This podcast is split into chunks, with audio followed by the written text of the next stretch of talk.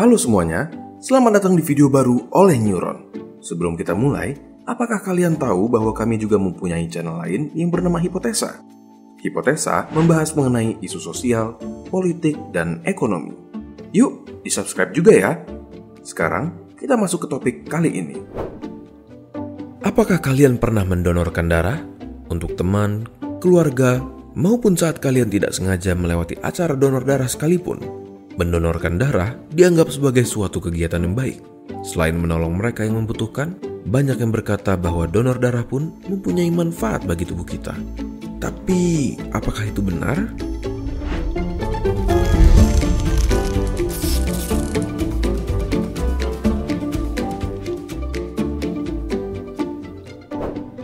Apakah kalian tahu bahwa percobaan transfusi darah pertama dilakukan pada tahun 1628 namun, baru hampir 40 tahun kemudian pada tahun 1665, transfusi darah pertama berhasil dilakukan. Dan lucunya, transfusi tersebut bahkan bukan di antara dua manusia, namun di antara dua anjing. Pada tahun 1818, transfusi darah antara manusia baru berhasil dilakukan, dan sejak saat itu ditemukan klasifikasi grup darah dan resus, seperti yang kita bahas di video sebelumnya. Hal ini membantu membatasi jumlah komplikasi yang dapat terjadi. Kalian pasti paham apa tujuan dari mendonasikan darah kepada mereka yang membutuhkan. Namun, apakah kalian tahu bahwa pendonor darah sekalipun juga mendapatkan keuntungan? Misalnya, seperti kesehatan emosional yang menurut Mental Health Foundation dapat mengurangi stres dan menyingkirkan perasaan yang negatif.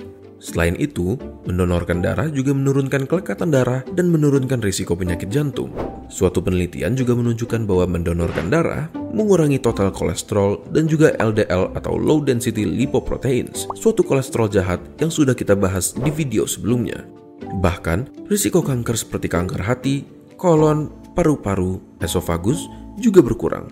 Dan ada penelitian yang menunjukkan bahwa donor darah meningkatkan kapasitas antioksidan.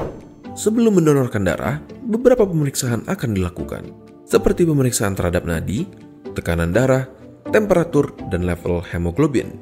Pemeriksaan ini diperlukan karena jika ada penurunan di antara parameter tersebut, bisa saja menunjukkan bahwa mendonasikan darah justru akan berbahaya bagi si donor. Maka dari itu, jika kalian berniat mendonorkan darah, salah satu keuntungannya adalah kalian juga dapat menerima pemeriksaan tersebut secara gratis di tempat.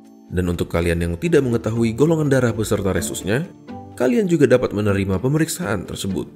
Keuntungan terakhir dan sejujurnya yang paling memuaskan adalah saat kalian mendonorkan darah, kalian telah berkontribusi dalam menyelamatkan nyawa di luar sana. Bisa saja berjuta-juta dan bisa saja satu orang. Namun yang mana pun itu, tetap memuaskan. Iya bukan? Seperti segala sesuatu yang membawa keuntungan, Tentu saja ada kerugian yang kalian bisa alami dengan mendonorkan darah.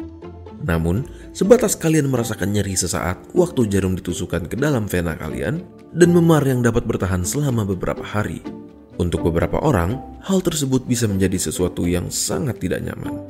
Dan untuk beberapa orang lainnya, mendonorkan darah bisa menyebabkan perasaan lelah, pusing, dan mual karena pengurangan jumlah darah dari tubuh si pendonor.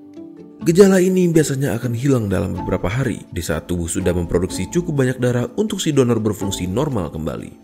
Karena itulah, seseorang dengan jumlah hemoglobin yang rendah tidak direkomendasikan untuk mendonorkan darah. Selain itu, kalian juga harus memastikan bahwa proses pendonoran darah yang kalian lalui berlangsung dengan bersih dan steril, karena tetap ada resiko infeksi walaupun minimal. Kalian bisa memastikannya dengan bertanya, apakah jarum yang digunakan adalah jarum baru, yang mana jika sesuai prosedur, pasti diharuskan untuk tidak menggunakan jarum bekas. Begitulah keuntungan yang dapat kalian peroleh dari mendonorkan darah, serta beberapa hal yang perlu kalian perhatikan sebelum melakukannya. Bagaimana? Apakah kalian siap menyelamatkan nyawa seseorang? Bagikan video ini ke teman-teman kalian agar mereka juga ikut terinspirasi untuk mendonorkan darah mereka. Jangan lupa subscribe untuk mendukung keberlangsungan channel ini. Jika ada pertanyaan, kalian bisa tulis di kolom komentar. Terima kasih dan sampai ketemu di video berikutnya.